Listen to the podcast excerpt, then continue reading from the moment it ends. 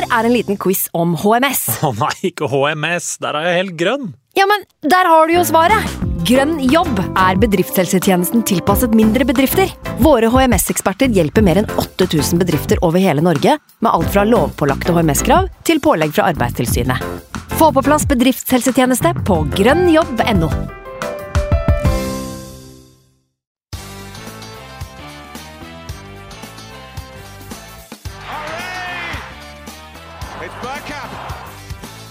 for grabs now! The next station is Arsenal. Hei og velkommen skal det være til en splitter ny episode med Arsenal Station med Magnus Johansen og meg, Simen Goffeng. Til vanlig pleier vi å tenke at én episode i uka får holde i massevis, men siden det tross alt er sesongstart, så slår vi denne gangen til med to. Vi er der at vi kan begynne å telle ned minutter til avspark fredag kveld, og i den forbindelse så syns vi det er på plass med litt ekstra fokus på Premier Leagues siste tilskudd og vår første motstander Brentford. For å gi et eh, godt bilde av The Bees får vi besøk av kontaktperson i den norske supporterklubben, Robin Hesmyr. Deretter blir det en god prat med Ronny Perez Madsen, leder i Arsenal Norway, for å få hans tanker om hvor klare vi er for å slå tilbake etter en særdeles skuffende sesong. Eh, I tillegg så skal vi snakke om status for supporterklubben etter et blytungt koronaår.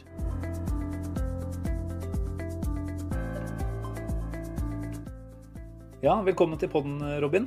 Veldig hyggelig Ja, å ha deg med. Og, og først og fremst eh, gratulerer så mye da, med opprykket i våres. Eller i sommer, ble det vel kanskje? Ja, takk for det. Er det sånn at det er, eh, det er litt stas nå å være, være med de store gutta og bli invitert på pod hos, eh, oss andre supportergrupper, eller? Ja, Bare for, høres ut som jeg er veldig høy på meg sjæl her nå. ja det, dere er først ute, for å si det sånn. Nei, det er veldig, veldig hyggelig. Det har egentlig ikke gått opp for meg helt at, eh, at det er Premier League som, eh, som gjelder nå, men det blir jo det blir veldig gøy. Mm. Ja, altså, bare for å ta det først. Da, det var jo Nå føler jeg at Brentford har vel hengt med i toppen av championship over flere sesonger. og Sånn sett eh, er man vel ganske modne på mange måter for et opprykk. Hvordan ser du på en måte klubbens eh, posisjon og lag, altså stallen og sånt? Hvordan, hvordan er, det, er man rusta for Premier League nå? Det er jo selvfølgelig vanskelig å si, men, eh, men de har jo nå hatt et uttalt mål om, om å rykke opp nå de siste par-tre åra. Så, så det er Jeg føler jo at, eh, at man er godt forberedt på det, da, men eh, eh, nå har vi jo alltid solgt, eh, solgt de beste spillerne det også de siste åra. Så og bare i fjor som vi solgte Watkins og Ben Rama, som på en måte var veldig dominerende i Brentford. Så, så jeg, jeg må jo si at jeg er litt spent på om, eh, om laget er helt eh, klare. Ja, jeg ser jo at uh, spillere som uh, Ivan Tony, og så er det jo keeper uh, Raja, da, som har jo vært lenka til, eh, til større klubber. De, de hadde vel fort eh, gått da, ikke sant, hvis man ikke hadde rykka opp. eh, Ja. så, så det å beholde de, og nå har vi jo fått med at Ayer selvfølgelig har kommet, vi får jo snakke litt mer om han etterpå. Eh, men allikevel så sier du at det er, eh, det er noen spørsmålstegn rundt eh, spillerstall og, og hvor, hvor solide det ser ut. Ja, så på Premier League-nivå så, så syns jeg det er vanskelig på en måte å, å vurdere det helt. Men, eh, men de har jo sin egen uh, filosofi når det gjelder uh, spillerrekruttering. Så, og den, den står de jo fast ved fortsatt, selv om det nå er Premier League. Så de henter jo liksom ukjente, ukjente navn veldig ofte. Og så har det vært et par unntak fra det. men men det er klart når vi henter eh, sånn som eh, Vissa, som ble klar i dag, fra, fra Frankrike, så, så er det ukjent navn for de aller fleste, og i hvert fall for meg. Så det er litt vanskelig å vurdere om eh, hvordan han og, og andre tar Premier League-nivå. Men det er vel en track record etter hvert eh, som gjør at du kanskje har litt tillit til at Ja, de signeringene klubben gjør, er, er godt rusta og, og vil gjøre en god jobb for laget. Da. Ja, absolutt. Det har de vist eh, gang på gang, nesten. At de, de selger den som vi anser som den beste, og så dukker det bare opp en som er enda bedre. Mm. Og de har vært veldig, veldig dyktige på det. Um, For, for Brentford er jo en litt sånn annerledes klubb. Uh, kan ikke du, Robin, fortelle uh, oss uh, hvordan eh, rekrutteringsprosessen fungerer i, i Brentford? Det er vel slik at akademiet eh, ble skrota til fordel for en, en, veldig annerledes måte å tenke på. Hva, hva, hva er det Brentford gjør eh, når de rekrutterer spillere? Ja, for, for, å ta det med akademiet først, så, så var vel opplevelsen at de, de, investerte mye eh, ressurser, mye penger i det. Eh, men så fort de fikk opp et spennende talent der, så, så var andre London-klubber raskt frampå og, og, og kuppa de, da. Så, så, de fikk ikke den uh, uttellinga, kan du si, da, på, det, på den uh, kostnaden som, som det medførte. Og så har jo Brentford vært uh, De har jo liksom blitt kjent for dette moneyball-prinsippet. Og nå er, jo, nå er jo ikke de aleine om det lenger, men var liksom veldig tidlig på, på akkurat den biten der, da. Mm. Med å se veldig mye på, på statistikk. Men, men, ikke utelukkende på statistikk, så det er på en måte for å, for å finsikte eh, blant mange spillere, så, så, så brukte man eh, statistikk liksom for, å, for, å, sitte igjen med én liste, da, som, man, som, man, så scouter på tradisjonelt vis. Så det er jo en, en kombinasjon. Ok, ja, for det jeg fikk en forståelse av at det nærmest var sånn at uh, det var spillere som gjerne ikke passa helt inn i andre klubber, og som ikke lyktes helt i andre klubber. Uh, gjerne yngre spillere som, som da eh, tallmessig utmerka seg på, på, et vis som ville være interessant for Brentford. Ja, absolutt. Og, og noe av, av, hensikten der er jo også økonomi. Da, at, at, man har ikke eh, økonomi til å hente de aller dyreste, så, så man må liksom hente de, hente de, billig. Og gjerne da at ikke de liksom har lykkes helt andre steder, men at det ligger noe eh, i bunnen der da, som, som kan eh, videreutvikles. Mm. Så er det jo vel en transfer record som ble satt nå i forbindelse med Ayer-overgangen. Eh, ja.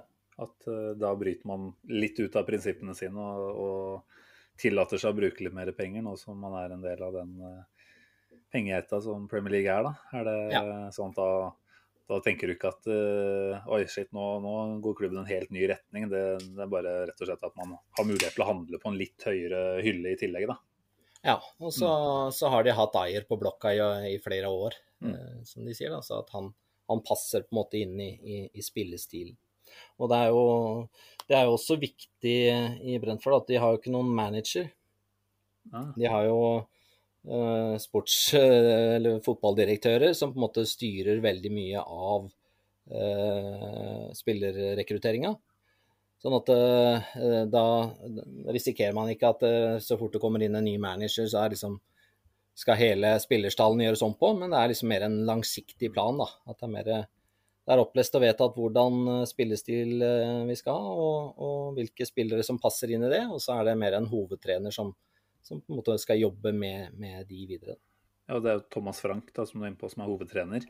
Ja. Eh, hvordan forholder han seg til det? Altså, jeg vet ikke hvor lenge han har vært der, men eh, er det på en måte et samarbeid han har blenda godt inn i, aksepterer at sånn, sånn er det? det er jo... Ja da, og du kan si han har jo, han har jo et ord med i laget, han også.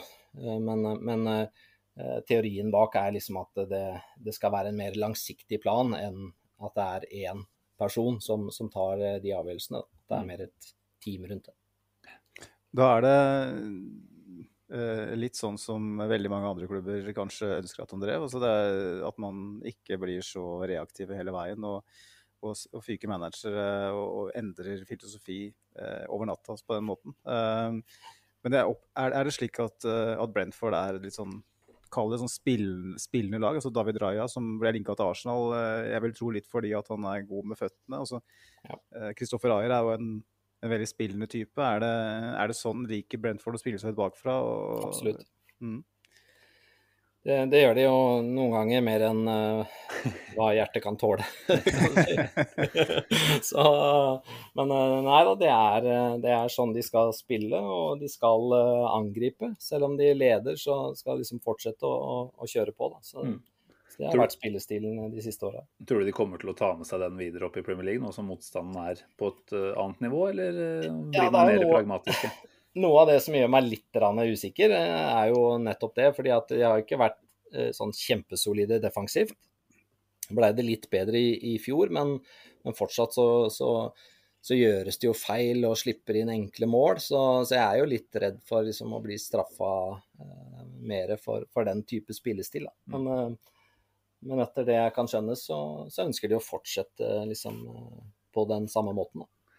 Det høres jo for så vidt lovende ut med Arsenal-øyne, at eh, man eh, her kanskje møter et eh, lag som ikke i hvert fall eh, kun har fokus på å ligge bak og være kompakte, men at eh, det er mer, mer energi og framoverretta over det. da. Men ja, det, det, kan jo for så vidt også være vår undergang, at vi ikke tåler det entusiastiske offensive spillet som man må forvente når en klubb nå endelig er oppe i øverste divisjon. er vel er første gang siden var det 1947 jeg så. Ja. det er riktig. Ja. Så det er mye, mye, som skal ut på fredag her. Ja. Eh, altså Ayer, da. Nå som eh, vi har nevnt den et par ganger. Bare snakke litt om han. og det er klart Som norsk supporterklubb så er jo vel det noe dere setter pris på, vil jeg anta? At man har en, en nordmann og en uh, norsk profil, da, ikke minst. En landslagsspiller som har hatt mye oppmerksomhet på seg. Eh, tror du det kommer til å bety noe for uh, for Brentfords eh, norske supporterskare framover? Ja, Merker dere noen forskjell allerede? Jeg har vel ikke merka så mye eh, annet enn litt interesse fra, fra media. Men, men jeg tror det kommer til å ha veldig mye å si. Og det er jo veldig, veldig gøy med en nordmann i Brentford. Det, mm. det syns jeg. Og har jo vært Uh, mange dansker og også et par svensker og islending og en finne. Så, så jeg har jo venta noen år på, på, at det skulle skje, da. Ja. Nei, vi må jo si at vi syns det er gøy selv, og de har vel faktisk blitt linka til Arsenal noen ganger også, selv om det aldri ville vært helt aktuelt. Så, så har man jo tenkt tanken på at det kunne være en spiller som, som dukka opp i London. Så da, da gjorde han jo tross alt det til slutt, da, bare litt annen del. Ja. Bredford er vel uh, plassert litt uh, Er det litt sør-vest? Altså like i nærheten av uh, Chelsea, nesten, eller? Ja da, det er jo Chelsea, Queens Park og Fulham ja. liksom på vei ut mot Heathrow. Så, ja. Lett tilgjengelig når man skal over igjen. Ja da. Det var vel han, han islendingen, det er ikke han reservekeeperen deres òg? Jo da. Så det er vel sånn at begge, både vi og du, tenker at vi helst ikke vil se en islending i mål. Eh, ja. I hvert fall ikke vi, Simen. Nei, nei. Mareritt. Nei, ja, han har jo vært uh, mye utlånt i det siste, så, eller siste åra, så, så, jeg er litt, litt usikker på, på, hva vi får hvis han må, mm. må spille, ja. Hvem andre er liksom eh, de store profilene man må se opp for? Jeg vil jo tippe at jeg nevnte jo Even Tony, og så så vi jo Brian Mbuemo hadde jo en ålreit goal mot eh, United her forleden. Eh, ja. Regner med at det er to av de store profilene, og de man kanskje har hørt mye om. Er det, ja, du kan jo både si noe om de, men også om det er noen andre som på en måte utmerker seg. Nei, det er jo eh, Ivan Tony som, eh, som får mye oppmerksomhet. Uh, Buemo hadde jo en litt svakere sesong i, i, fjor enn året før. Hvor han var en del av denne BMW-trioen. Men, men det, er jo, det, er jo, i hovedsak de som skal gjøre det offensivt. Og så har vi fått inn han Vissa nå, da, som, som er en kantspiller. Eh, ellers så er det jo eh, eh, Da Silva, som dere kanskje kjenner, mm, som var i Arsenal i sin tid.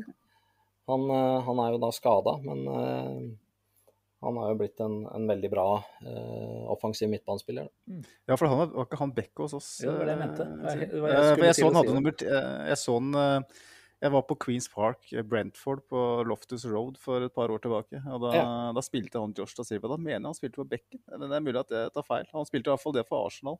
Ja, riktig. Det var jo flere da Silva, da. Men uh, han har ikke ja. spilt back i Brentford. Det kan godt hende at vi tar feil ja. her da, altså. Ja, for det er vel to. Eh, det er en som heter Jay da Silva, men det er kanskje han som kom fra, fra Chelsea? Jeg må være helt ærlig og si at jeg eh, Nå, Nå har ikke vi forberedt oss godt nok, eh, Magnus. Trøbbel i tårnet her, eh, merker jeg. Men det kan godt hende. Men per nå så spiller han på Bristol City. Så det er ikke han vi snakker om. Det stemmer. Nei da, ellers så, så, er det jo Så har vi jo Mathias Jensen, som er en offensiv uh, spiller. Så håper jeg at vi også skal få se Frank Onieka, som de signerte fra Midtjylland. Som jeg tror kommer til å bli en veldig, veldig spennende spiller. Mm. For det går det er mye Danmark og, og plukker, virker det som. Nå, nå har du vel både dansk eh, sportsdirektør og dansk eh, hovedtrener. Ja. Eh, Rasmus Ankers, er ikke han heter da? Jo, stemmer. stemmer ja. han har vært, han har vært, det var han som henta eh, Thomas Frank i sin tid, hvis jeg ikke tar feil? Ja. Stemmer, ja. Så det, det har lykkes godt da, med å hente spillere fra Danmark? Ja, det har nesten vært litt i, litt i overkant. Men uh, uh, de har lykkes veldig godt med det, ja. Hvordan ser du på, på, sesongen som uh, kommer her nå? Hva er det du forventer på, på det resultatmessige planet? Er det rett og slett Her må man bare innstille seg på en knallhard kamp for å overleve? Ja, i utgangspunktet så, så, vil jeg jo tro det. Jeg vil være fornøyd med en, en 17.-plass, jeg. Men, eh, mm. men uh, som mange andre Brentford-supportere i disse dager, så, så, er jeg egentlig ganske avslappa. Og, og, tror bare at det kommer til å bli en fantastisk gøy mm. sesong.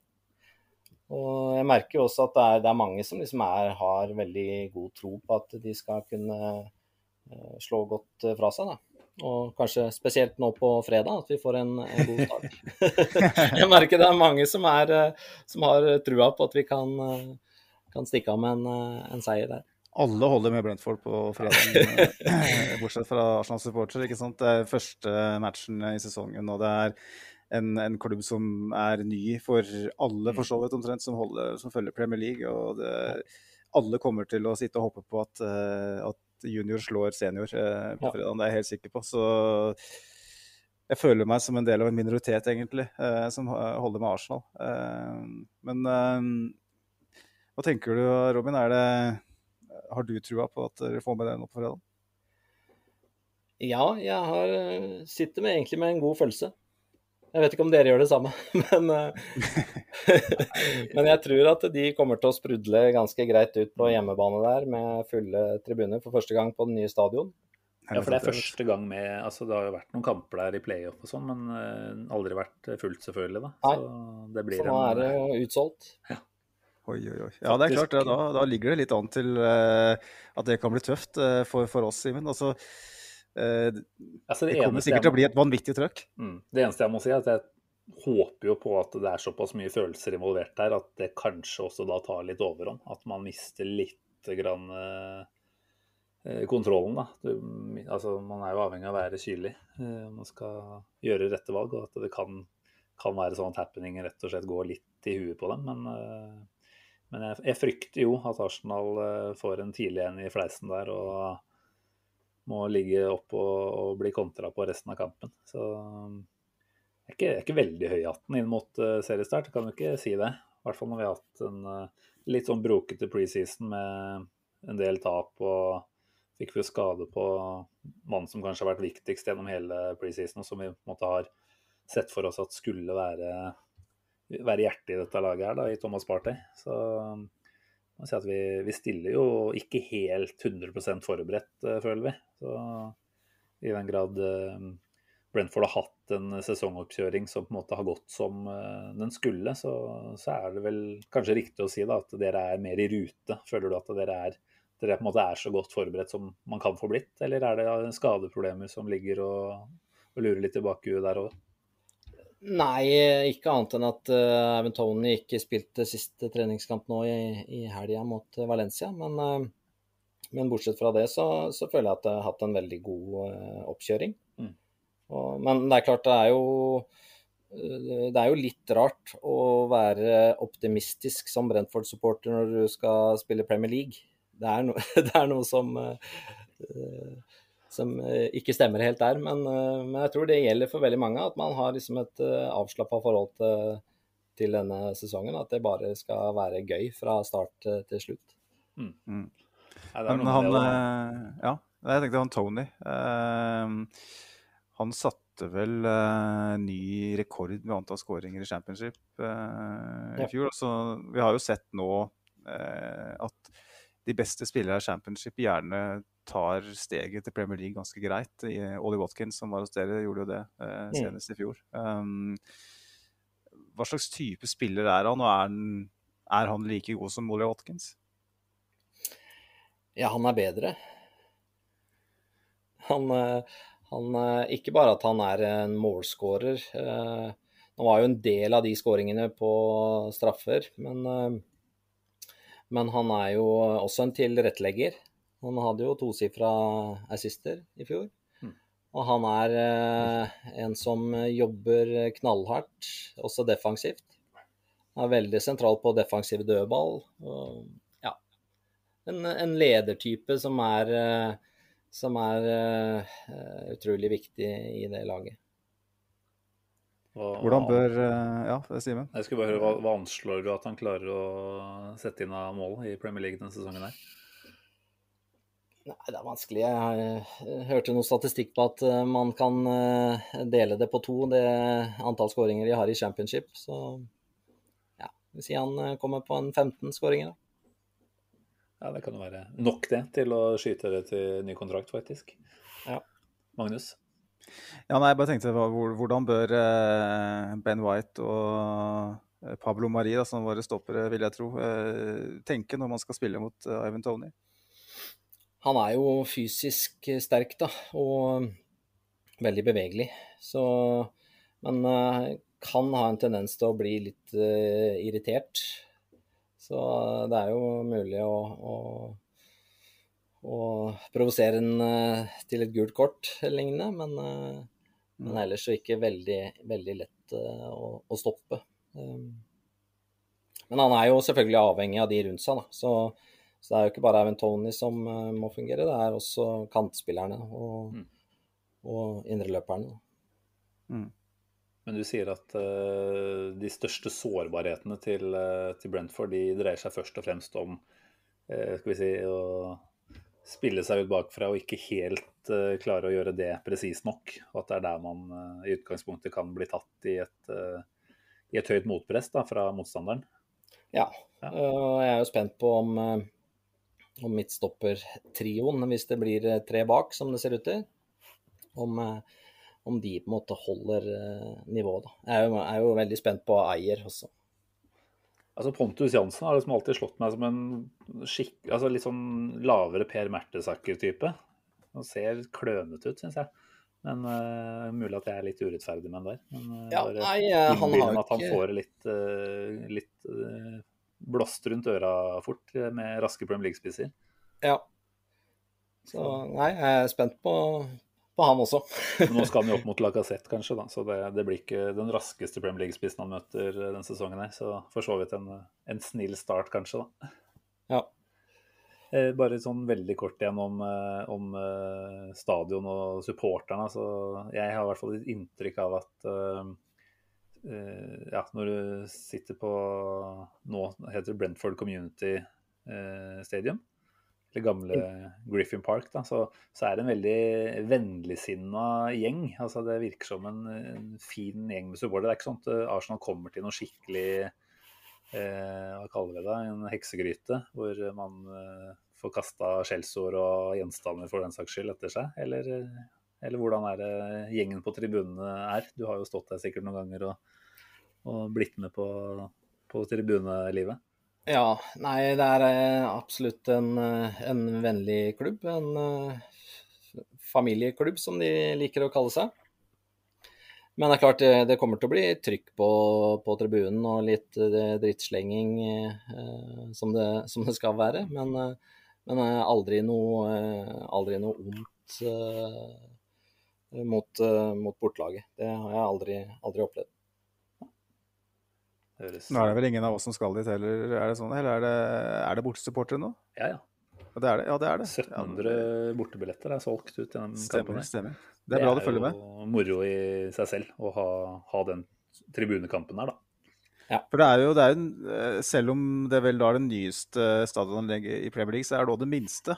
Eh, og Vi har jo sett det før, at eh, at de, de, de stadionene som er minst der, er det ofte mest trøkk. For der er det stort sett bare folk som på en måte er eh, Som går hver uke, da. Mens Emirate Emirates Stadium, som jeg og Steven har vært mange ganger, Old Trafford uh, osv., der er det såpass mange som bare er innom i histen og pisten, mm. som gjør at uh, Kall det hardcore-gutta sitter litt sånn spredt.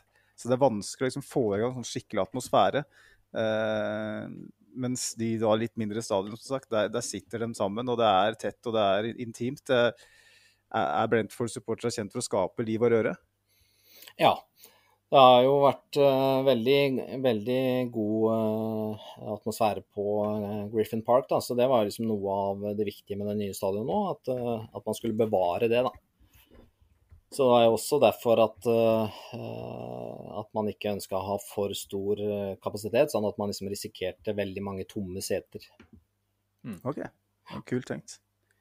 Ja, hvor stor er den egentlig? Ja, det er vel 17.500 som er kapasiteten uh, nå. Riktig. Ja, så det gikk opp fra, fra 12 da, til, til 17 500. Ja, ikke sant. Så man bygger jo ikke for å liksom bli en sånn derre superklubb eller en storklubb, men det er noe med man finner sin plass i pyramiden og, og, ønsker å bevare identiteten sin som en sånn community-klubb, da, høres det ut som. Ja, ja, det er riktig. Eh, de har jo et kallenavn som er The Bees. Nå skal vi se at ikke vi drar ut altfor lenge her, altså, men eh, hva er egentlig greia med, med, det? Hvor er det det kommer fra? Det kommer egentlig fra B-en, kan du si. Ja. Eh, at man i tidlige år ble kalt for B eh, mm. og S. Så har det utvikla seg til å bli BIS etter hvert. Så det var, ikke, det, var ikke, det var, ikke, en gjeng med birøktere som nei, nei, det var ikke det. Nei. Jeg tror vel at uh, de aller fleste nøytrale kommer vel til å ha Brentford som en liten sånn uh, ekstra nummer to-klubb gjennom sesongen. Og må jo si for egen skyld at uh, bortsett fra den kampen her og returen, så, så, er jo Brentford et lag man kommer til å titte på og håpe at uh, gjør det så bra uh, som mulig. For det er jo sjarmerende, rett og slett, det man får til der. Mm. Det er jævla, jævla, kjedelig med Norwich og Watford òg, som har vært der Som rykka ned i 2020 og er tilbake allerede. Så jeg tipper at Brentford får for mange eh, på lasset som eh, kommer til å sitte og følge med og, og heie litt på dem. Og, og, som Simen sier, det er, det, er, det er, en annerledesklubb, sånn jeg opplever det. Eh, og helt til en eller annen, eh, en eller annen Brentford-spiller er litt hard med, med Aubameyang eller eh, Smith-Roe på fredagen, så kommer vi til å være ferdigvenner. Ja, du kan si mange av våre, våre medlemmer, eller de som, som følger Brentford, har jo hatt Brentford som et, uh, som et lag nummer to i mange år. Ja. Så, så, det er jo litt spesielt nå at, at det blir Premier League. Hva er det du håper for egen del i forhold til å få tatt deg en tur over? Er det sånn at du har plukka deg ut en eh, match som du håper at skal være mulig å, å avlegge en visitt, eller sitter du stille i båten og ser det hjemmefra? Ja, Foreløpig litt stille i båten, vel. Men vi har jo hvert år så har vi en fellestur eh, i forbindelse med siste hjemmekampen, så den, eh, den er i hvert fall spikra. Mm. Og så håper jeg på en tur kanskje i påska. Så, men det, det, blir vel ikke noe på denne sida eh, av nyttår, tror jeg. Nei, det er vel kanskje safest å, å holde seg i ro enn så lenge. Eh, selv om det er klart å være med på, på, starten av sesongen må jo være noe ekstra når, når entusiasmen er som, eh, som, høyest, da. Ja da. Det er klart det hadde vært eh, veldig gøy å vært over. Mm. Ja, nei, men eh, Magnus, er det noen andre åpenbare ting vi må høre med Robin om her før, eh, før det sparkes i gang fredag den 13.? Nei, altså jeg kunne snakka om Brentford i timevis. Jeg satt og leste eh, litt om Brentford i går kveld, og litt om historien tilbake, også med tanke på hvor langt den var ned for en del år siden. Men det, det har vi ikke tid til, for da går, da går, klokka. Så for min del så tenker jeg at det handler om handshake for peace nå. Fram mot fredagen. Og så håpe at, uh, at bortelaget vinner uh, for vår del. Og at, så vil jeg tro at det blir en kjempebra kveld for Brentford uansett, tilbake i Premier League. Ja, vi skal samles en, en, god gjeng på Scotsman uh, på fredag. Så Ja, men da Er det der dere blir å finne litt sånn gjennom sesongen nå, eller dere som bor på, i nærheten av Oslo? Ja, det er vel Bohemen eller, eller Eller Skotsmann. da. Ja. Men da, da får vi huske på det i hvert fall på neste, neste gang Arsenal spiller mot Brentford. Og se om det går an å, å møtes der for en liten prat. Ja. Ja, men Tusen hjertelig takk for at du ble med. Eh, veldig interessant å høre litt om, eh, om de, de nye tilskuddene i Premier League. Eller det nyeste av de alle. Bare hyggelig. Og lykke til, lykke til med sesongen. Takk Lykke for det. til. Samme til dere. Så måtte det beste laget vinne på fredag. Absolutt. ha det godt, da. Ha det bra. Ha det. Tusen takk til Robin, og som sagt de beste ønsker til Brentford, med et par unntak da, den kommende sesongen. Vår neste gjest er altså sjefen i Arsenal Norway, Ronny Perez Madsen, som er her for å gi sin dom over hvordan han mener at det står til i N5 i disse dager. Velkommen så mye til podkasten, Ronny. Veldig hyggelig å ha deg med. Ja, hyggelig å eh, få lov å være med. Jo, det skulle bare mangle. Det er jo du som sitter, eh, sitter på toppen her, da, som vi har vært inne på i, eh, i den norske supporterklubben. Eh, si at du er en, fin representant utad på intervjuet med TV 2 og, og diverse. Er det, er det drømmehobbyjobben eh, man kan ha? Ja, altså på mange måter så blir jo det det. Altså når du først velger å ta et, et verv i en frivillig organisasjon, så, så er jo dette her tipp topp, da. Mm. Altså få lov å eh, egentlig snakke fotball eh, og bry seg om det du bryr deg mest om i, i fritiden, eh, er jo helt topp.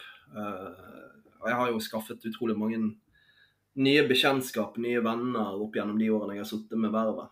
Eh, det er litt sånn eh, reise over til London alene, det er ikke noe problem, for du vet du treffer alltid en eller annen på den lokale puben. Ikke sant? Ja, som du var inne på her før vi begynte å spille inn, så du satt jo som nestleder i noen år, og nå har du vært eh, leder eh, ett års tid. Eh, årsmøtet er rett rundt hjørnet, og det betyr at du ble, ble utnevnt som leder for forrige årsmøte. Har det vært et, åpenbart et rart år, da, men som supporterleder òg, liksom fått, du har jo ikke så mye sammenligningsgrunnlag, for å si det sånn. Eh, hvordan har på en måte den eh, jobben vært? Eh, det er sikkert mange supportere som har hatt mye spørsmål om hvordan blir det på det ene og det andre viset. Eh, mange nye typer problemstillinger å ta høyde for. da.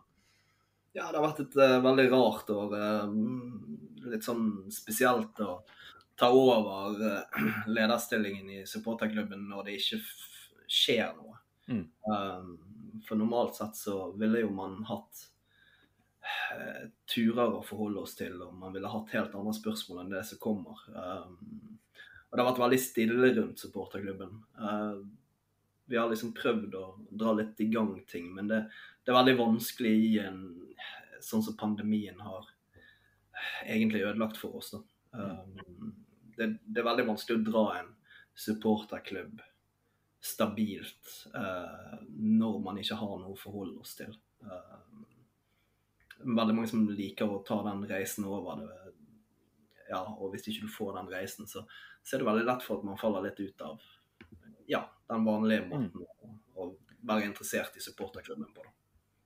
Ja, klart det. Nei, Du har ikke kommet til dekka bord på noen som helst måte. og Vi kan jo bare ta det først, Magnus. Liksom, hvordan har egentlig pandemien påvirka supporterklubben sånn i forhold til eh, medlemstall og sånt? Er det, det er jo enkelt å tro at eh, det er jo mange som er med også fordi man får eh, god tilgang på billetter på Emirates. Eh, ser dere liksom at det har vært et stort frafall eh, på, på de formelle medlemmene? da? Ja, heldigvis så har vi veldig mange gode supportere som støtter supporterklubben uavhengig av hvordan verdenssituasjonen er. Um, og, men stabilt, så lenge jeg har vært i, i styret, så har vi stabilt ligget på mellom 7100 og 7300 supportere. Um, Og nå det siste året spesielt, uh, etter pandemien slo inn, så har vi ligget på i underkant av 6000. Ja, Eh, Så det er et kraftig fall, og det, det, det fallet det har nok eh, litt med at klubben ikke leverer sånn som man håper. Eh, men også det at man ikke får reist over. For det, det er nok en del su supportere som liker å være medlem fordi at man får tak i billetter. Og vi gir jo ut billetter stort sett til alle kampene, Mm. så får de som søker. Um, og det må jo du regne med, at du har en del supporter som kun er med eh, av de grunnene. Men heldigvis da, så har vi i underkant av 6000 supportere som ja, de følger uavhengig av situasjonen. Det kan jeg godt si òg, at eh, jeg har jo eh, reist eh, over til London med jevne mellomrom i skal vi se, siden 2006 ca. Og eh, flere ganger hatt kompiser som ikke er like interessert som meg, som uh, lurer på hvordan de skal skaffe billetter og sånn. Så har jeg sagt at meld dere inn i Arsenal Norway og søk der. Mm.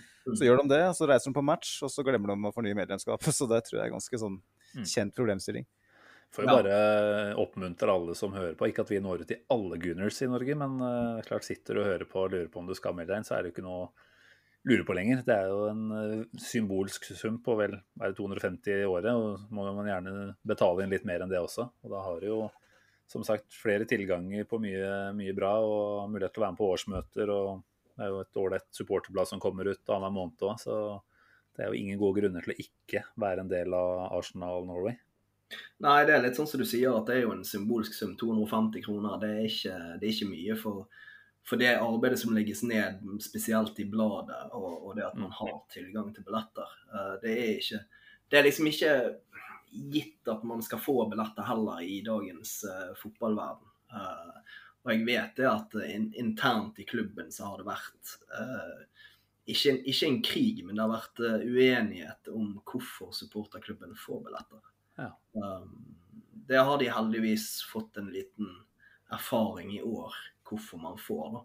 Uh, man har jo hatt noen seire opp mot klubben nå det siste halve året, uh, der supporterklubbene har stått ganske sterkt uh, med tanke på vår supporterkontakt i London som fikk fyken under pandemien. Men Ja. på grunn av, spesielt pga. Arsenal Danmark, som inviterte oss inn, og Arsenal Sverige, så klarte vi å snu den, og, og han fikk fortsatt jobben. Um, Oi, kult. og det er jo litt sånn Ja, det er litt overraskende, eh, men det var en ekstremt god sammensatt mail fra Arsenal Danmark. Uh, Thomas Ballegaard, som, som er en dyktig fyr. Um, og når han dro oss med, så, så klarte han å dra med eh, Det var i hvert fall godt over 100 supporterklubber som, som dro i gang og sendte mail til, til klubben. Uh, og da snudde de. Er godt å se at, eh, at selv når Øzil er borte, så får eh, gutta jobben tilbake. Det var vel han som uh, ga lønn til han eh, maskoten. Men eh, det var jo det var en skikkelig feelgood-historie da, Ronny. Det må jeg si. Det var, Ja, det er litt kult når du får faktisk være med på og, du- kommer i møte med, med Mark Brindle, som han heter, da, eh, i ettertid, der han eh, virkelig setter pris på, på det man har gjort for han. da. Eh, Det er jo snakk om å redde jobben til en person, så, Det er rått. så det er litt kult. Og, ja, man, merker, ja, man har merket litt i ettertid at man har litt grann mer kred eh, i Arsenal uh, nå enn før. Mm. Uh, sant? Og I tillegg til dette superligaopplegget som de var i gang med, det er jo også supportere og supporterklubber som har presset klubben. Eh, Mm. så, så, så, så det er tydelig det at eh, man gjør en riktig jobb eh, og en viktig jobb opp mot ja, de større maktene. da. Ikke sant. Det er interessant. Men eh, for å dra Ja, vi kan jo ta det siste i forhold til eh, dette med supporterskare og sånt. Altså, nå har vi hatt en nordmann i klubben i, i seks måneders tid, og det var jo selvfølgelig aldri en, en permanent overgang som jo helt sikkert ville ha betydd mye mer drahjelp eh, på supporterskaret. Men hvordan, eh, hvordan tenker man om eh, en eventuell Ødegård-retur, sånn hvis du skal være litt kynisk med supporterlederøyne? Er det sånn at du sitter og nesten sikler i forhold til at det forhåpentligvis kommer et eh, lass med, med nye innmeldinger. Ja, altså Hadde denne signeringen skjedd utenom pandemien, så tror jeg at det hadde betydd veldig mye for supporterklubben. Eh, men at det skjer i sånn som situasjonen er i dag, og sånn som det var i spesielt i januar når han signerte, så hadde jeg hadde ikke sånn kjempepositiv feeling på at det kom til å bedre seg for supporterklubben. Uh, Men at interessen blir større i, i Norge av at en Ødegaard signerer, ja. Men ikke på et lån på seks måneder.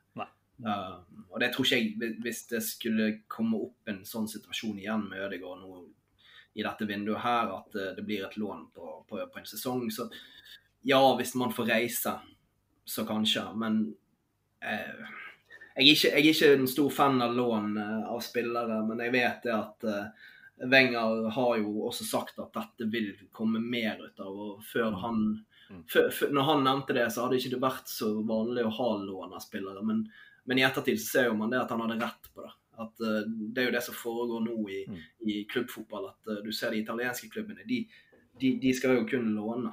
De skal jo ikke kjøpe, for de har ikke penger til det.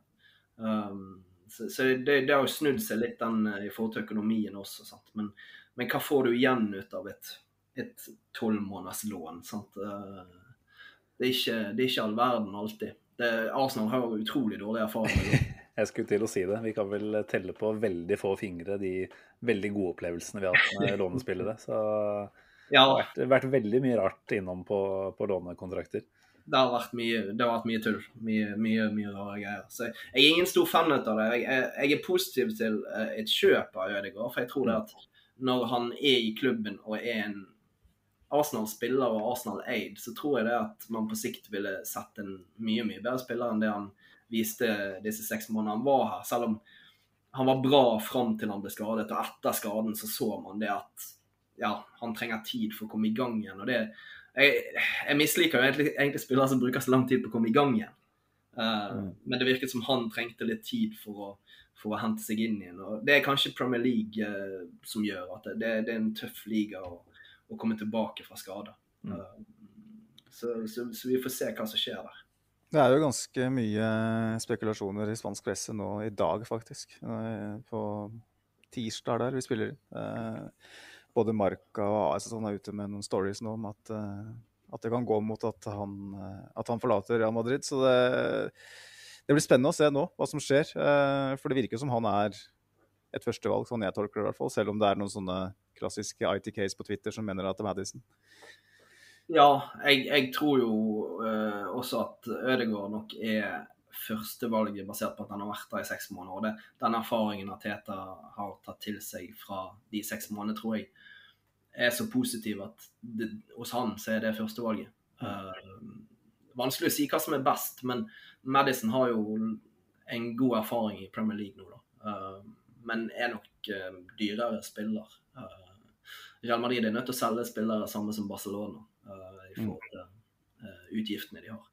Så det blir jo det blir interessant, da, men hva som er riktig det, er- jeg, jeg, jeg er litt splittet der i forhold til Madison og Ødegaard. Er, Det er vi vel alle enige om at det må et eller annet inn der. Noe må inn i, i den uh, offensive midtbanedelen som kan avlaste en, en, en Smith Rowe. Tenker du at det er uh, hva skal jeg si, det viktigste hullet som må tettes nå før sesongstart? Eller ikke før sesongstart, men før vinduet stenger? Ja, det viktigste er jo å få på plass uh, den offensive midtbanespilleren. Uh, det andre er jo Altså jeg, jeg sliter med å se en Auba på venstre kant. Uh, altså hvis du Altså enten så må du velge å, å starte han sentralt, at det er der han funker. Eh, hvis du lar han dø på venstrekanten, så, så, så havner vi på en åttendeplass. Altså. Det, det, det, han bidrar ikke nok på en kant til at eh, det skal bli bra over en sesong. Uh, sånn som laget er i dag, så, så bør du ha uh, Smith Rowe på en, på en venstre ving, at han funker utrolig godt opp mot Tierney. Uh, og er mye mer bevegelig, riktig bevegelig, da, enn det som er. Eh, men vi sliter jo. altså Lacka syns jo jeg er en god spiller, men skårer jo ikke nok mål. og Hvis ikke du skal bruke to spisser, så må jo Lakka ut hvis Auba skal inn i midten. Eh, så Mm. det er, det er han, har, eh, han har en vanskelig kabal å ligge opp hvis ikke han helt eh, vet hvem som er best i den spissposisjonen. Ja, i hvert fall nå, Ja, ja, i hvert fall nå før Nå er jo Saka på vei tilbake, da, men det er klart før han er helt på plass igjen nå, så, så begrenser jo uh, mulighetene seg litt. Og per Mm. nå, i forhold til hva som skal skje på fredag mot Brentford, så, så ser det vel dessverre, kan man si, ut til at uh, Abba blir såkalt sjuhorna inn på venstrekant. Ja. Uh, og så må vi jo virkelig tro at det ikke er planen uh, framover når Saka er med fra, fra start i kampene. Det kan man jo for så vidt være uh, mot Brentford, men det, det ville overraska meg. Ja da. altså jeg, Det er derfor jeg sier at Smith Rowe må ut på kant. For at Saka vil nok trolig ikke være tilgjengelig i første kamp altså, pga. den korte tiden fra uh, pausen til, til opptrening. Um, fordelen med Saka er at han kan spille nærmest overalt. Uh, er jo helt eksepsjonelle spillere å ha i, i, troppen, uavhengig av uh, hvor, du, hvor, du, putter den. Mm. Um, så der har jo vi en fantastisk spiller i neste sesong. Ja. Og sånn generelt, da, Hvordan er det du ser på Arsenal nå noen, noen få dager før sesongstart? Hvor, hvor godt rusta tenker du vi er? Uh, ja, gjerne sammenligna med i fjor òg. Det, det, var jo en del optimisme før sesongstart i fjor. Uh, selv om det var litt sånn jeg tror, jeg tror også, ja. Optimismen kommer jo fra FA Cup-seieren. Ja, ikke sant. Uh, altså det at du konker ut uh, City der og Chelsea, og uh, så tar du Liverpool i Kiel-kampen. Så tenker folk at nå har vi noe på gang. Og så starter jo det for så vidt greit med en 3-0-seier over Fulham. men så Det skjer jo et eller annet i klubben der. altså Holding har jo sjøl gått ut og sagt at de, de kom ikke i gang. De funket rett og slett ikke i en lengre periode før, før jul. Uh, og, og, hva som skjer der, det er jo ufattelig vanskelig å si.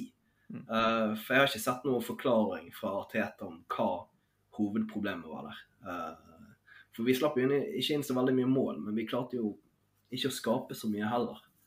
Um, så positiviteten var der i fjor. Jeg Jeg velger jo å tro at jeg er positiv i år også. Jeg, jeg, jeg, jo, eh, jeg gleder meg til sesongstart. Uh, men jeg ser jo det at vi er litt på stedet hvil, selv om du har fått inn Ben White, som er en virkelig forsterkning.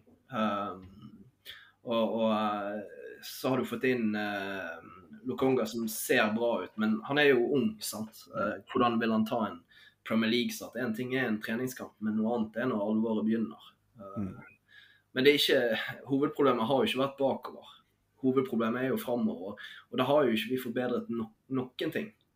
Um, det er derfor jeg lurer på hva er som skjer med Altså, jeg skjønner jo det at det, ting tar jo tid med Arsenal. Det, det, det har det gjort selv under Wenger. Så brukte vi ganske lang tid på å kjøpe spillere og hente spillere i vinduet. Veldig sjelden vi fikk uh, signeringer tidlig i vinduet, type Bayern München som kjører uh, De er jo ferdig signert før sesongen er avsluttet. Mm. Uh, Rosiski er vel en av de spillerne uh, som jeg husker ble signert uh, før et mesterskap begynte. Og da tenkte jeg å ja, kult. nå er det sånn at du venter jo til, til siste dag i vinduet og håper at de, de henter en du trenger. og I år så har de gjerne unnskyldningen om at det er covid-19 og det er vanskelig marked, men det, jo, det skjer jo hvert vindu. hvert sommervindu så er det treghet i forhold til å få i gang uh, dealene. Og ja, det er vanskelig for Arsenal å få vekk spillere fordi at de lønn, har lønnet de for høyt. Uh, det er ingen som vil overta lønningene til de spillerne som er. Uh, og det skjønner jeg godt, og i, det, i sånn som verden er nå. Så, um... Men altså, du oppsummerer det jo helt riktig der, Ronny. Det, altså, vi har jo sittet og, og rivd hår av hårskall, og vi har bitt negler osv. når vi nærmer oss deadline day. fordi at man, man, man, har ikke fått gjort det som alle før vinduet ble åpna mente måtte gjøres. Uh, I fjor uh, sommer er et godt eksempel. Når, Thomas, når du venter helt til deadline day med å trigge utkjøpsklausulen til Thomas Partey, som for meg litt sånn amatørmessig, rett og slett, hvis det var han som var plan A. Da havner da en situasjon hvor han ikke har, har preseason. Uh, har du inntrykk av at at klubben har kontroll, eller føler du at det er litt sånn kaotisk?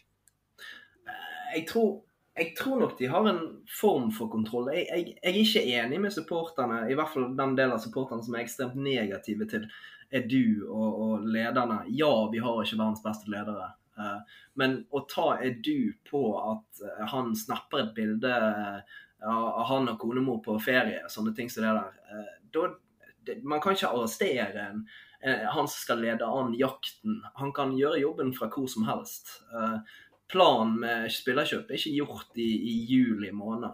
Eh, det er planlagt lenge i forkant.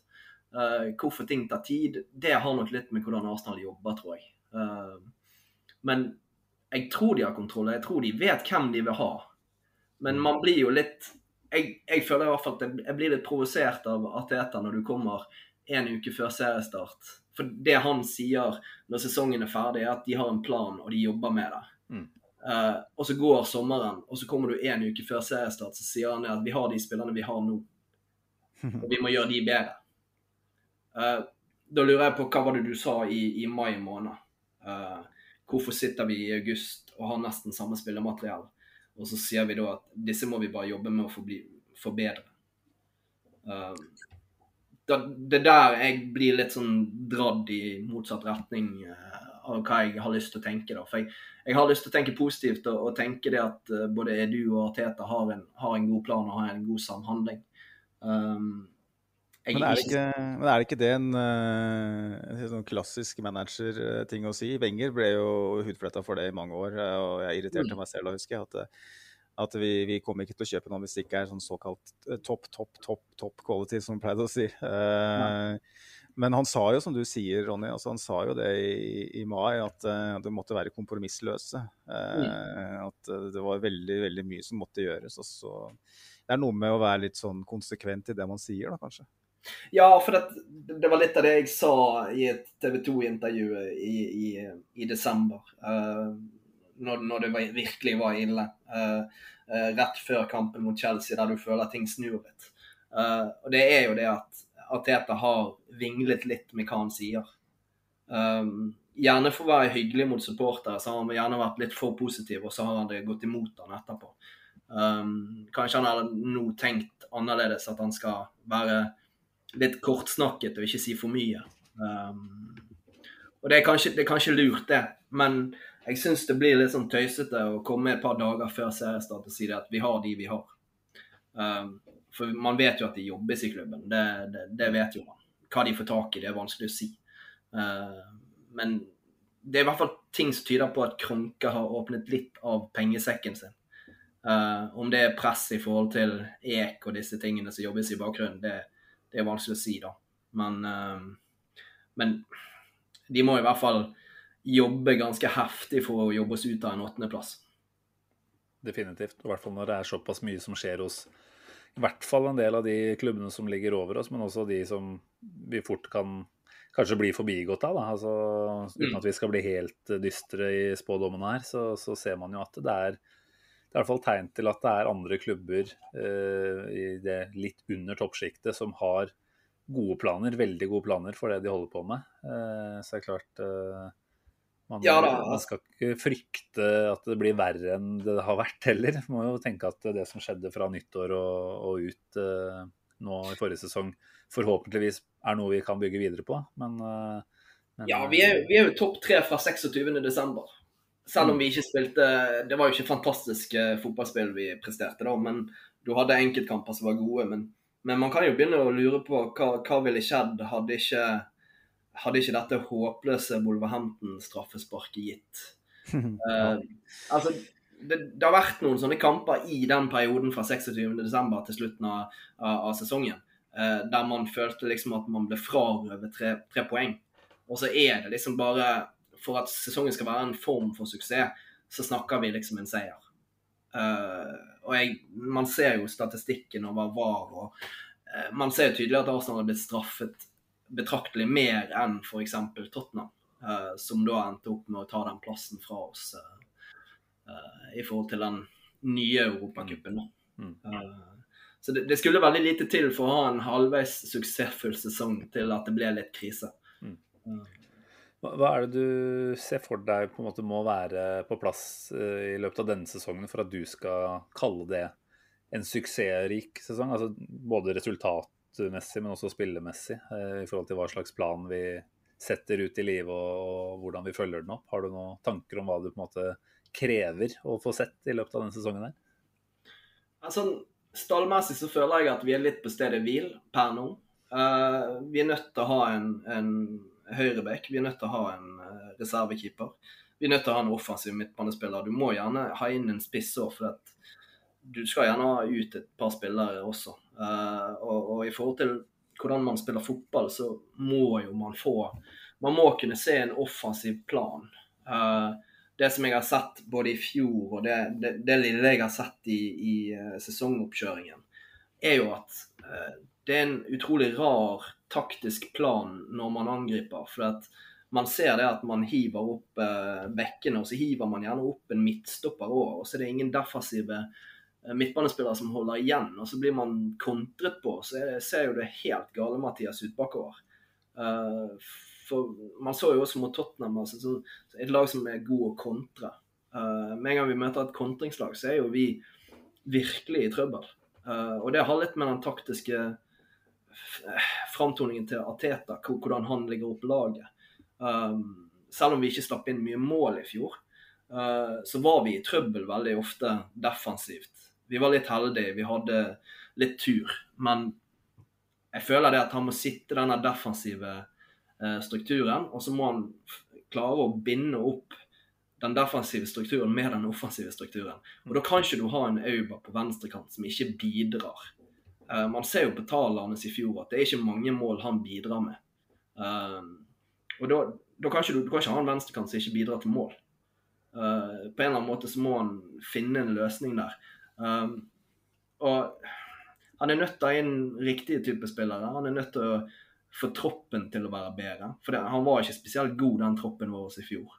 Um, men hvis du skal bedre åttendeplassen, så må du ha ting på plass. Uh, og, men jeg ser ikke for meg at vi blir bedre enn nummer seks i år. Det, det, jeg, jeg, kan aldri tenke meg at de får gode nok spillere inn på den korte tiden som er igjen av vinduet. Eh, til at det skal bli veldig, veldig mye bedre. Um, vi kan være utrolig heldige, og så, så kan vi være så heldige at Ateta bare får ting til å funke. Mm. Og gjør man det, så, så, kan jo det bli bra, da. Men uh, forhåpentligvis en party som viser den han er, uh, som han gjorde før skaden. Uh, de fleste husker Manchester United på Trafford. Jeg kjenner til United-supporter som husker partey på Trafford når vi slår dem. Um, de vet hva som bor i han. Uh, og man har jo sett i preseason at han, han ser jo bra ut. Mm. Og, ja, Maks uflaks at den dukka opp nå, selvfølgelig. Og det, det er jo for så vidt uh, utur for Arteta, som jo kan befinne seg under ganske mye press ganske tidlig. Men, uh, men liksom, i forhold til dette med, ja, vi snakker jo om at vi trenger den spilleren og den spilleren, og, og definitivt så er det noen huller å tette. Men hvis du bare skal se på Arteta altså, Jeg føler at uh, vi har blitt bedre og bedre kjent med han, men tror du vi har på en måte nå blitt så godt kjent med han at vi vet hva han ønsker å få til, altså hva slags type fotball han står for. Han, han framstår jo, eller fotballen Arsenal har vist, framstår jo veldig kontrollert. Eh, eh, litt vel eh, forsiktig i manges øyne, vil jeg tro. Tror du dette løser seg ved en, eh, en god offensiv midtbanespiller, en eh, skikkelig sentral midtbane som funker gjennom sesongen, eller tenker du at Artetas fotball uansett er litt som vi har sett, at det er mye kontroll eh, og ja, litt konservativ holdning til det å kaste fram eh, folk i angrep. Da. Så hvor, mye bedring på det offensive kan vi egentlig håpe på også ut ifra det, rett og slett? Da? Altså, jeg, jeg, tror det meste kan du linke til hvordan Pep Guardiola liker å spille fotball. Uh, når du ser hvordan City spiller sin fotball. Det er også veldig kontrollerende. Uh, men de har altså bedre fotballspillere, og ting går litt fortere. Uh, jeg tror det at du er nødt til å ha bedre fotballspillere for at Ateta skal kunne spille sitt spill. Mm. Om, om, det er godt nok i Arsenal, om det, om det er i Arsenal han vil bli den store manageren, litt tidlig å si. Jeg syns det er for tidlig å si at han må vekk. Uh, der er det store minuset. Det er en av grunnene for at jeg hater av og til sosiale medier. for den moderne supporter er jo altså Det er jo så utålmodig. Den moderne supporter forventer jo at vi skal kjempe om ligagullet hvert år og vinne noe. Men det som er viktig å, å, huske, er jo at det er veldig få som vinner noe. Uh, det er jo bare til å spørre din nærmeste Tottenham-supporter hvor enkelt det er. Så jeg tror ikke ja. Altså, det, det, er litt den, den greien å være utålmodig. Jeg tror det at når man først ansatte Ateta, så ansatte man Ateta fordi at man hadde en plan.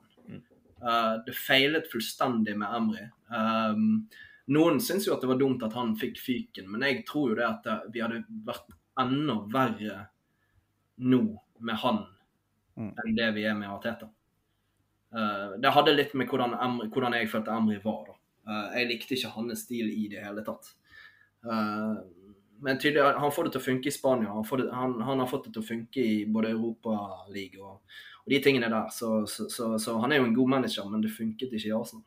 Mm. Um, Men uh, litt tilbake til det med, med parallell, par- parallellene til Guardiola. Da. Uh, jeg er helt enig i at, at, at du kan, kan se litt grann på det. Eh, grunnen til at City stadig vekk klarer å skjære gjennom motstanderen, er for at de, de kan stå til den kula foran etablert, men de har både tempo og presisjon i spillet sitt og bevegelser som gjør at de klarer å, å bryte igjennom. Mens vi gjerne havner ute på kanten og slår innlegg på dårlige hodespillere, som jeg har gjort Ja. en del av, eh, som en sånn plan Å, da.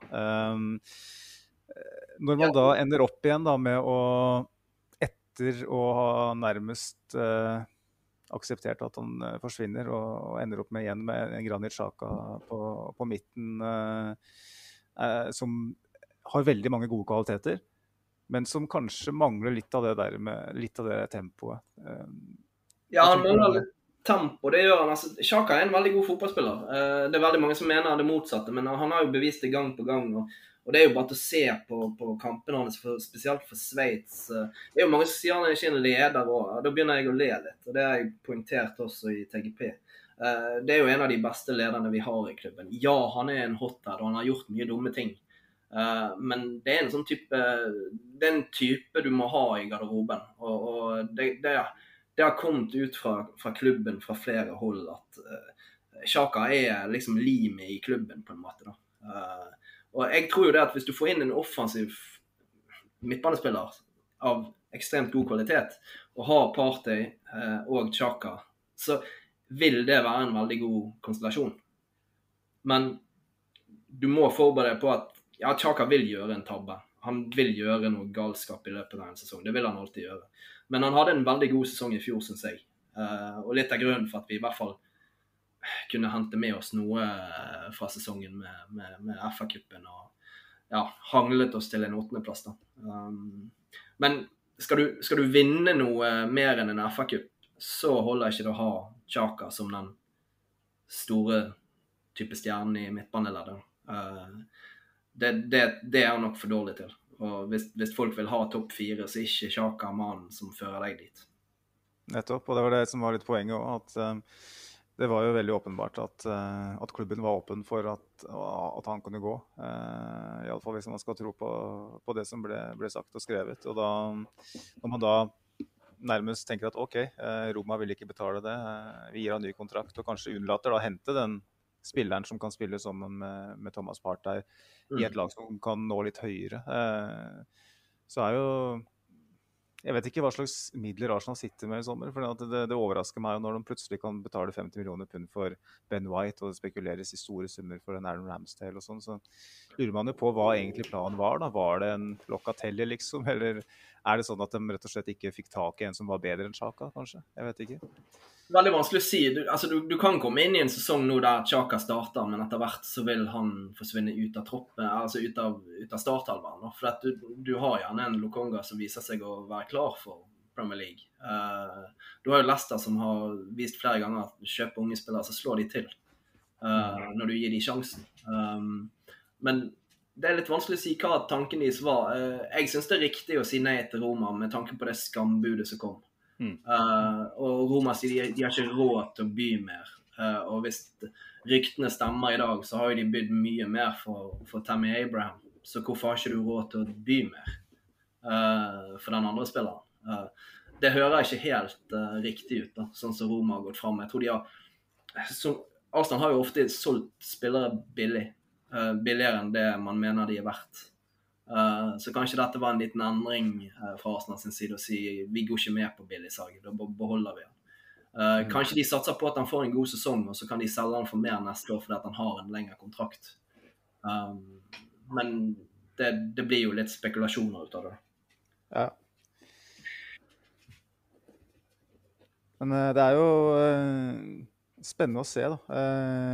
Nå som Mohammed El Neni kanskje seiler opp som en veldig klar kandidat til å starte sammen med Sjaka på, på, fredag mot Brentford. Um, er det sånn at du tenker at eh, Lokonga er klar for en sånn oppgave? Basert på at han starter mot Tottenham et par dager før, så tror jeg mange forventer at det er han som starter altså på fredag. Mm. Uh, men det er jo ikke, det er ikke skrevet i stein. Den, den som starter uh, kampen før serien starter, den starter når serien starter. Så jeg, jeg er ikke sikker, men jeg, jeg, håper på en måte at han gir en sjanse til Lokonga. Um, mm. det, det, håper jeg. Jeg håper for all del ikke det blir El Neni. For uh, El Neni er en OK fotballspiller, men han har ingenting i, i Arsenal å gjøre. Uh, det har han ikke. Etter min mening så, er ikke han god nok. Uh, vi veit jo 100 hva vi får med han. og disse deilige langskuddene hans de går jo bare inn i Europa. Så med tanke på at ikke vi er der, så kan vi vel egentlig bare sette den ut uh, denne sesongen her, ja. Ja, du møter ikke Dundalk hver uke. Så, det er et eller annet der. Det, det, det, er ganske mange år siden han puttet mot Barcelona. Men hva tror du om uh, sesongstarten? da? Vi har jo, nå, nå blir det jo en tøff uh, åpning med bortekamp under flomlys mot et nyopprykka entusiastisk Brentford. Og så er det jo blytunge oppgaver som står i, i for tur deretter. Uh, har du noen tanker om hvor, hvordan ting ser ut etter de første tre kampene? Jeg har nesten lyst til å si at det, det virker enklere å slå Chelsea på Emirates enn å slå Brentford borte. Um, tøft å møte et nyopprykket lag, selv om det gjorde vi mot Fulham i fjor. Men Fulham har vi møtt så mange ganger. De har erfaring fra Premier League. Brentford kommer opp og eh, det første gang i Premier League. De kommer til å løpe ræven av seg. Eh, de kommer til å gjøre det vanskelig. De, de, er ikke et dårlig fotballag. De spiller god fotball, syns jeg. jeg. jeg. så en del ut av de i fjor. Eh, jeg tror de kommer til å få det tøft i Premier League, men det er alltid vanskelig å møte den type lag. Um, Tidlig i sesongen. Så vi, vi møter ja, jo på verst mulig tidspunkt, rett og slett. Ja, egentlig. Det hadde vært bedre å møte Brentford i kamp fem enn i kamp én. Ja. Uh, men uh, jeg, altså, så lenge vi er på uh, For jeg har jo sett noe positivt i preseason, selv om det har vært en veldig dårlig preseason. så ser du tegn. og jeg tror at med en gang serien starter, så er du litt på gang. så lenge William ikke er i nærheten av starten, så tror jeg det går greit alt, alt, blir bra så lenge William holdes unna. Ok, nei, men det, mm. det er ikke helt da er, du, da er du veldig på linje i den podkasten her. For vi har uh, brukt ganske mye, mange episoder på å snakke om William uh, i mindre rosende ord. Ja, det skjønner jeg. Ja. Nei, men jeg tenker vi har, eh, vi har fått en god prat der, Ronny. Så jeg kjenner at det begynner å Selv om jeg snakka om det litt tidligere i en tidligere episode, så at jeg kjenner jo ikke den samme sitringa i kroppen som jeg liksom har hatt for vane før de fleste sesonger. Jeg kjenner at eh, nå har vi liksom to åttendeplasser på rad. Nå er vi et lag som sannsynlig, etter all sannsynlighet ikke slår oss inn i en topp fire-diskusjon. Eh, det er litt lite å være håpefull for sånn sett. Så, så håpet mitt er at man i hvert fall får noen eh, opplevelser underveis da, som det går an å sette ordentlig pris på. At det blir en, eh, en festfotball som vises fram eh, så ofte som mulig. Eh, ja, altså, jeg, jeg, kan heller godta en, en, en sjette, syvende, åttendeplass så lenge vi spiller god fotball. Uh, altså, jeg har lyst til å se gøy fotball. Uh, og, og, og håpet er en sjetteplass. Uh, sikkert en del av grunnen for at det sitrer litt hos meg, er nok den nye kjellerstuen som kommer på plass. og den er i rute? Den er klar til sesongstart, i, motsetning til Arsenal? Den er i rute. Den Elektrikeren sitter på plass på torsdag, og så skal TV-en henges opp. og så så er vi settlet på en måte, da. Um, så får vi håpe at den positive feelingen jeg har i stuen der, uh, slår tilbake på, på, på klubben på fredag. Uh, definitivt. En god start er det som trengs. Mm. Jeg tror det blir tøft borte mot City, men jeg, jeg syns jo det. Det er greit at Chelsea fikk Lukaku. Det er en god spiller. Jeg skal ikke si noe annet. Men han har jo litt å bevise i Premier League, da. Mm. Så jeg er ikke 100% sikker på at det er en suksess, men altså De bruker jo over en milliard på fyren. Jeg tenker For den prisen så er det ikke gitt at det blir en suksess, men det er klart han i seg selv er jo en målgarantist. Så at det, mm det gir de mye og gir dem et nytt element foran her, det, det er det ikke tvil om. Det er ja, det... å erkjenne at vi, vi, har nok ikke noe å, å si på, på, hvor Chelsea ender opp på tabellen. De, det blir en litt annen diskusjon enn det vi klarer å blande oss inn i. Ja da, vi har ikke Altså, de, de som tror at vi skal kunne kjempe mot eh, Chelsea United, eh, Liverpool og City, det, eh, da, da må de se litt på økonomien klubben vår og størrelsen på klubben til de som har penger. Eh, det, er ikke, det er ikke sjans. Altså, markedet i dag er så vanskelig, og det, disse klubbene er så ufattelig mye mer pengesterke enn oss. Eh, Liverpool har på mange måter vært heldig, for at de var ikke Altså, de solgte noen spillere og fikk noe penger, og så har eierne vært litt mer fornuftige enn våre eiere. Men der er jo det basert på prestasjoner, ikke bare den økonomiske biten. Eh, Det er jo den eneste klubben egentlig du kan si det at de har tjent penger på spillersalg, og så har de økt kvaliteten på laget basert på spillersalg. Eh, Du kan trekke tilbake til Tottenham når de solgte Bale, og så kjøpte de syv nye spillere. og den det siste syvende kjøp ble jo solgt i sommer med Lamela. Det, det er jo ingen der utenom Eriksen som var god. Eh, så kjøper du riktig og er litt heldig, så kan det bli veldig veldig bra i lengden. Eh, det er litt der Arsenal ligger. De, de er nødt til å Sånn som med Willoch, når de selger Willoch for ca. 300 millioner norske kroner. Det er jo en suksess. Uh, hvis du ser ja, altså når du ser på det basert på at det er en egenutviklet spiller, uh, og som Ateta har sagt ikke passer inn i systemet. Og Da er det riktig å selge han, for det er Ateta som har jobben. Um, og det, Du får 300 millioner, og det er en suksess. uh, men som, du må ha flere ut av de. Mm. Jeg, tror det er der vi er i gang å jobbe. Eh, klubben er i gang med å sitte de tankene til verks at du skal ha en type Ajax-modell. Eh, og bygge klubben basert på at ja, du henter inn unge spillere som slår til, og så selger du de for å kjøpe inn bedre spillere. Eh, det er kanskje den nye måten å gjøre det på. Men så har jo Arsenal kanskje vært litt redd for å selge, eh, rett og slett. For det har jo ikke vært sånn at vi ikke har hatt spillere som har vært interessante for andre. Vi, vi kunne jo ha stått Alexis Sanchez seks måneder før vi bytta han bort med en uh, utvaska Mkhitaryan. Eh, Mm. Vi kunne ha solgt mer til Linares i fjor sommer, selv om kanskje det føltes litt for lite der og da. Det var interesse for Lacassette i fjor sommer. Eh, og så det er, det er noe med å på en måte ikke sitte på gjerdet. og Det er sånn Arsenal av og til oppleves litt sånn vinglete. Og det, ikke, eh, og det var jo noe som var veldig tydelig under Arsen Wenger òg, at man, at man venta gjerne litt for lenge med å eh, trykke på avtrekkeren, både når det gjelder kjøp og når det gjelder salg. Så at man nå selv om, det kan, om det kan ha en litt ubehagelig følelse i mellomgulvet, så det å selge Willoch nå, det er, det er et positivt tegn. Ja, det tror jeg. Eh, det, blir, altså, det blir interessant å se om dette er en, en god plan de har videre. Altså, at du kan se en konkret plan på hvordan de jobber og hva de skal ha inn. Um, det er derfor jeg tror du må gi Arteta denne sesongen, og du må gi Arteta neste sesong. Mm. Du kan ikke Det, det, er, en, det er en vanskelig verden. Det, det, er veldig vanskelig å jobbe seg inn som, som storklubb igjen, da. Selv om vi er en storklubb sånn sett. Men for å komme oss inn der vi vil, topp fire, så må vi ha kontinuitet. Og det er både lederskap, manager, eh, gode nok spillere, eh, og at det jobbes med de yngre. Og det gjør de i klubben. Altså, det har jo, har jo blitt bevist nå med de spillerne som er i troppen i dag. Mm. Så, så jeg, jeg tror det at vi er på riktig vei, men det er, en, det, er en, er lang vei å gå. Og vi må være heldige for å komme dit vi skal tidlig. Uh, det, er ikke, det er ikke sånn som Teta sier, at vi er i Champions League om tre sesonger når han tok over. Eh, det er ikke jeg så sikker på. Men forhåpentligvis etter neste sesong så er vi kanskje mye, mye nærmere. Mm. Og så er jeg nok veldig på linje med deg, Ron, at uh, det å få en god start, det tenker jeg er alt for meg, For dette er jo et lag som tviler på seg selv. Det er det ikke noe tvil om. Så det er klart det å bare få bekreftelser på at OK, det vi driver med, det funker faktisk, og det, det gir noen resultater. Det, altså resultater, eh, åpenbart, eh, er jo viktig, men jeg tror det laget her trenger en del bekreftelser til da, før de på en måte har nok selvtillit til å flyte videre på. Så Ja, det, det tror jeg. Eh, Altså, jeg, jeg tenker at Tar du den seieren på fredag og, og plukker et poeng, eller er igjen litt heldig mot Chelsea og tar tre, mm, og, og ryker da mot City, som vi pleier å gjøre, um, så, så har du en veldig god start. Uh, fire poeng på de tre første er ikke krise når du møter Chelsea og City i to av dem.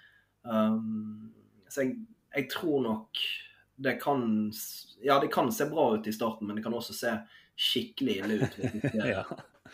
Du kan stå med null poeng hvis du er uheldig etter eh, noen kamper. Uh, Ja, det kan hende vi fortjener det som bare det òg, i verste fall. Eh, vi, vi får se. Vi får jo komme tilbake til det. Vi, la oss ikke være for, eh, ikke for Nei, ikke sant.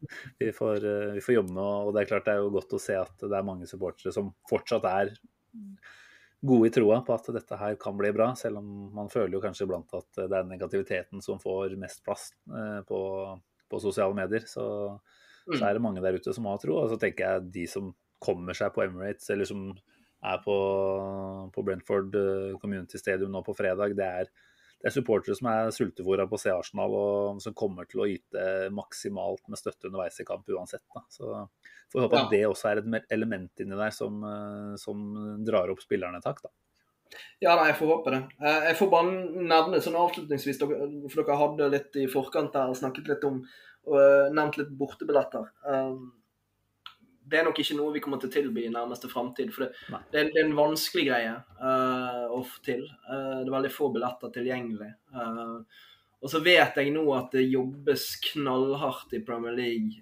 og det, det er en litt sånn her varsku til folk som kjøper på svartebørsen når det først åpner opp. Uh, for at de kommer, hvis, hvis det blir snakk om disse passene som de bruker i, i England, og covid-19-passene de har, uh, så ender det opp med at de blir linket til det. Ja. Eh, de, skal bli en, de skal slå enda hardere ned på eh, spesielt bortesupportere i forhold til om du har riktig billett eller ikke.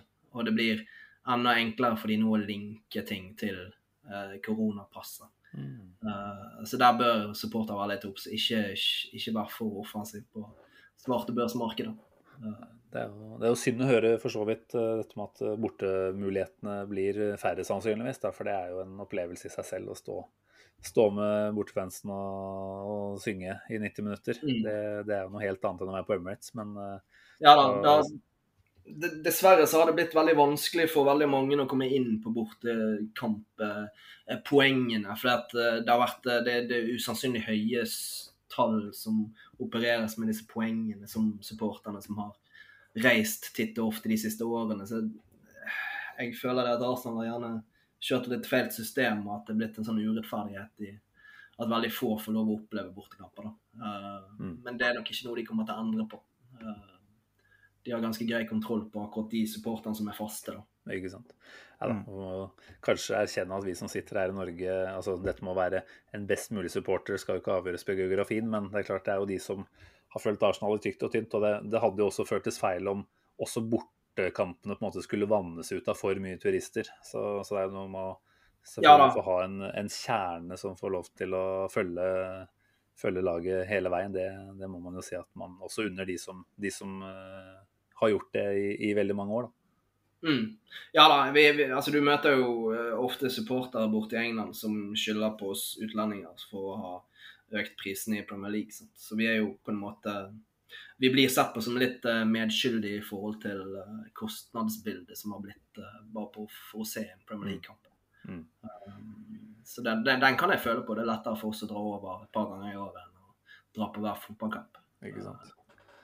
Hvilke planer er det som ligger framover for, for supporterklubben? Nå er det et årsmøte som vi var inne på, rett rundt hjørnet. Det blir avholdt i Bergen i år, stemmer det?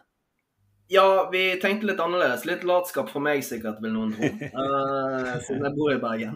Uh, men uh, nå har jeg vært med i supporterklubben en del år. Og, og det har alltid vært Oslo når det ikke har vært London. Så jeg følte liksom OK, så nå kan jeg styre det litt sjøl, siden jeg sitter som leder. Så da valgte jeg Bergen. Og hvis ikke, hvis ikke det blir London neste år, så vil det gjerne bli Trondheim eller Stavanger. Så vi, vi prøver liksom å få det litt uh, rundt i landet istedenfor bare å forholde oss til Oslo. Eh, helst vil jo vi ha det i London, for jeg, har, altså, jeg vil jo aldri ha et årsmøte eller et styremøte uh, i Norge når vi skal være, snakke om en klubb i, i London. Så derfor de, de to møtene fysisk vi har i, i sesongen, de håper jeg blir værende i London uh, framover. Så, men for de som stiller Nå er det veldig mange som har meldt seg på, heldigvis, i, i Bergen. Eh, det er jo veldig positivt. Det blir jo en eh, fin eh, helg for de som stiller. Og, hvis det er flere som hører på podkasten som har lyst til å stille, så må de sende en mail til meg på leder.gunnars.no. Melde seg på. og hvis de trenger hotell, så er det også noe vi arrangerer via hotellet her i Bergen. Riktig. Det høres ut som en, en, bra plan, det. Jeg vet ikke, Du var jo på årsmøte i, London sist det var der, Magnus. Eh, det var vel mm. jubileumet, til og med? Det ja, det var jo heftig. En helt spesiell opplevelse. Men til og med Bergen kan jo by på noe ålreit, da. Ja, altså, jeg tenker jo at uh, det å møtes uh, som likesinnede på den måten, nærmest uansett om det er langt inn på Hardangervidda eller om du sitter uh, på Emirates Stadium, så er det jævlig kult uansett. For det, i, dag, i, i, det dagligdagse så, så, er det ikke sånn at man sitter rundt samme bord med, med så mange folk som har den samme lidenskapen på det nivået. Nei, det er noe spesielt å ha uh, årsmøte i London, og spesielt på Emirates. Sitte der se sen kveld med flomlyset på. Um, når vi hadde årsmøte sist med uh, Mertesaker, uh, syns jo jeg var ganske stort. For at Mertesaker er jo på en måte en, en, legende i klubben i forhold til at han har vært med å vinne FA-cupen et par ganger. Og, og har vært uh, en solid leder i klubben. Uh, men det er sjelden jeg har møtt en så down to earth-person uh, uh, som er så stor. Altså, du, du, snakker jo om, uh, du snakker jo om en spiller som har vunnet VM. at du da møter han og du føler liksom at det er kompisen i, i nabogaten din. sant? og jeg har vært på, på, møter med Arsenal med Mertesaker via, via, via nettet også der han framstår som en ufattelig fin fyr. Um, så det, det, det, er et høydepunkt for meg, da. Um, spesielt uh, når du har det på, uh, på Emirates. Mm. Ja, det var en uh, vanvittig kveld. Det var, det var, vel sånn, var det ikke det, Ronny, at det var nærmest opplyst på forhånd at, de, at det var bare så og så mange som kunne stille seg i kø og osv. Og, og, og han hadde bare en halvtime, men han satt jo der og signerte bøker og tok bilder, bilder mye lenger enn det som var oppsatt. Ja, det er det som er så fint med disse som stiller opp. Uh, vi hadde jo en uh, Første gang vi, vi, kjørte årsmøte i London, så hadde jo vi uh, Ray Parler med. Um, sånn på en måte en, en, en test Et testårsmøte da, for å se hvordan det funket å gjøre det i London. Um, og det ble jo et utrolig kult opplegg, selv om det var på en restaurant i London. Uh, bare det å møte Ray Parler, høre litt historier fra han. Uh, og han sto jo mye lenger enn det vi hadde forventet. Han ble værende igjen etter intervjurunden og tok selvfølgelig noen øl, for det var han veldig glad uh, men, men, men, en utrolig fin fyr å, å hilse på og ha med på en sånn samling. og kanskje noe vi kommer til å gjøre igjen med Ray Parler, for han er en utrolig morsom fyr. Um, og det er litt kult at vi får muligheten til å gjøre det. Det koster litt å få med disse spillerne, men, men sånn som eh, Mertesaker, han stilte gratis i fjor. Ja, det er jo rått, det. Og det er kult at klubben bidrar med noe sånt. Og det var spesielt, eh, ikke i fjor, men året før. Uh, det var spesielt med tanke på at uh, vi feiret uh, jubileum og hele den pakken der. men det er litt kult at klubben stiller opp, da. Så så det er for, fordi, fordi når, når, verden åpner opp igjen og vi, vi har et årsmøte i London igjen, så, så anbefaler jeg virkelig at folk uh, henger seg på. For det er, det er, en opplevelse. Og Da er det jo det som gjelder. Da Da må man melde seg inn i supporterklubben aller først. Uh, for å ha muligheten til å være med på disse årsmøtene. Så, så det er jo nok en oppfordring til, til alle om å gjøre det. Ja, og eh, oppfordre folk til å være medlem. For at, per dags dato så vi har vært uh, tre størst i mange mange år. Uh, helt umulig å ta igjen Leopold og, og mm. United. Men, men, Leeds har gått forbi oss pga. deres oppsving og rykke opp i Premier League. Uh, så er de forbi oss. De har 7200 supportere. Mm. det er det tallet vi lå på. Tottenham nærmer seg også, og det liker vi heller ikke. Nei, jo, det må vi for all del unngå. Så ja, gjerne meld deg inn. ja. ja. Nei, men vi får jo bare krysse fingra, da. Og sannsynligvis alt annet vi kan krysse òg. Det kan vel føles ut som det trengs for om dette, dette prosjektet Arteta skal få en best mulig start på, på fredag. Ja, trust the process. Mange som får de orda langt opp i halsen, veit jeg. Men, eh, men, jeg må jo si at jeg syns det er viktig og riktig holdning å ha fortsatt. Da. Altså, det er mye mye riktig på gang i forhold til hva som gjøres av spillesigneringer nå, nå, i år, i hvert fall. Det er en helt annen profil på, på de spillerne vi henter, og se jo de vi linkes til fortsatt. Det er jo unge karer som har det beste foran seg. Mm. Jeg tenker ja, da, da. må vi også tillate oss å, å være litt tålmodige med Arteta. Det er ikke noe tvil om at det er en mann med masse fotball i seg. Ja, alt, alt ut fra klubben og alt ut fra det jeg leser av, av eh, kontakter rundt om i, i fotballverden sier jo det samme. Eh, du har spillere i City som sier det samme. Altså, det kommer ikke uten grunn. Eh, men man kan ikke forvente at han skal revolusjonere Arsenal fotballklubb etter halvannet år. Det, det tror jeg blir feil. Mm. Ja, nei, men uh, Tusen hjertelig takk for uh, oppmøtet her i, i, kveld, i hvert fall, Ronny. Uh, takk for at jeg fikk stille. Det var kult. Nydelig. Så er vi helt sikkert i prat med deg en gang i, i framtiden òg. Forhåpentligvis med tilbakeblikk på både ligatitler og, og andre titler på et eller annet tidspunkt. Ja da, bare, bare spør du, så, så, skal jeg stille. Det er ikke hver dag jeg pusser opp en kjellerstue. Ikke sant. Nei, du får en god innvielse der på fredag. Håper at det blir takk, takk. Eh, en ordentlig, ordentlig, god premiere. Ja.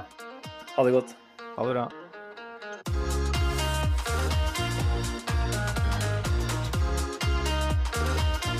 This train terminates here.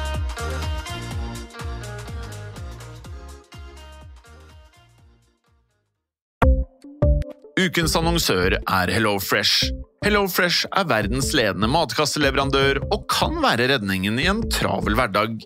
Mange av oss har nok vandret i butikken både sultne og uten en plan for middagen, som ender med at vi går for de samme kjedelige rettene gang på gang. Middag burde være dagens høydepunkt. Som HelloFresh kan du nå velge mellom 25 ulike retter hver eneste uke, eller få HelloFresh til å sette sammen menyen for deg. Dette gir deg muligheten til å prøve nye og spennende retter alene eller sammen med familien. Du velger antall porsjoner og får alt levert på døren på et tidspunkt som passer for deg. Oppskriftene er enkle, og maten er lett å lage både for store og for små. Ved å få alt levert hjem får du også mer tid til å dele matgleden med familie og venner. Kanskje det frister med asiatiske tacos eller greskinspirert kylling? Da kan jeg anbefale deg om å gå inn på hellofresh.no. Her kan du bruke koden FOTBALL og få opptil 1779 kroner i rabatt på de første fem matkastene hvis du ikke har prøvd Hello Fresh tidligere. Du kan også bruke rabatten hvis du har vært kunde og stoppet abonnementet ditt for tolv måneder siden eller lengre. Gå inn på hellofresh.no og bruk koden FOTBALL. Har du et enkeltpersonforetak eller en liten bedrift? Da er du sikkert lei av å høre meg snakke om hvor enkelt det er med kvitteringer og bilag i fiken, så vi eh, gir oss her, vi. Fordi vi liker enkelt. Fiken superenkelt regnskap.